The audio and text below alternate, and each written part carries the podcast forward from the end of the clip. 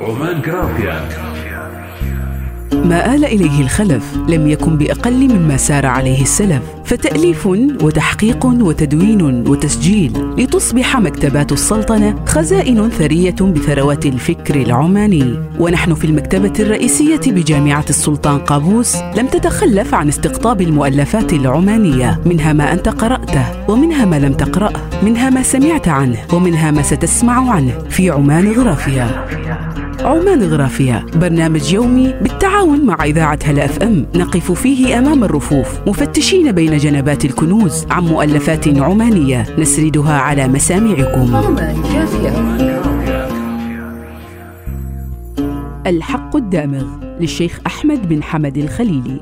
بل نقذف بالحق على الباطل فيدمغه فإذا هو زاهق. الفتنة والنزاع والتشتت والفرقة والبغض والتباغض والعداوة والخصومة. سلالم شر تهوي بمن يسلكها إلى القاع.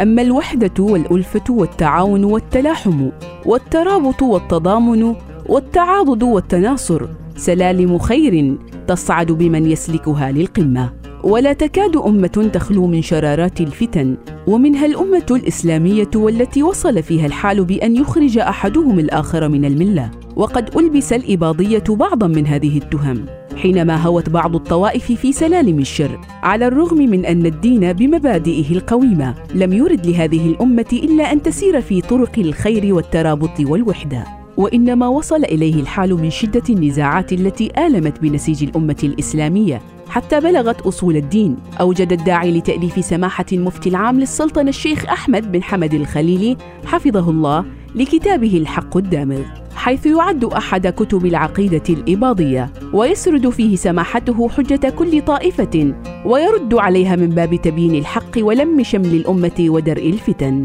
والجدير بالذكر أن الكتاب يحتوي على ثلاثة مباحث المبحث الأول في رؤية الله والمبحث الثاني في خلق القرآن والمبحث الثالث في خلود أهل الكبائر في النار. ولسماحته كتب أخرى مثل برهان الحق وجواهر التفسير وزكاة الأنعام وغيرها موليا اهتمامه بالفقه وعلم الكلام وعلم التفسير وأصول الفقه واللغة العربية.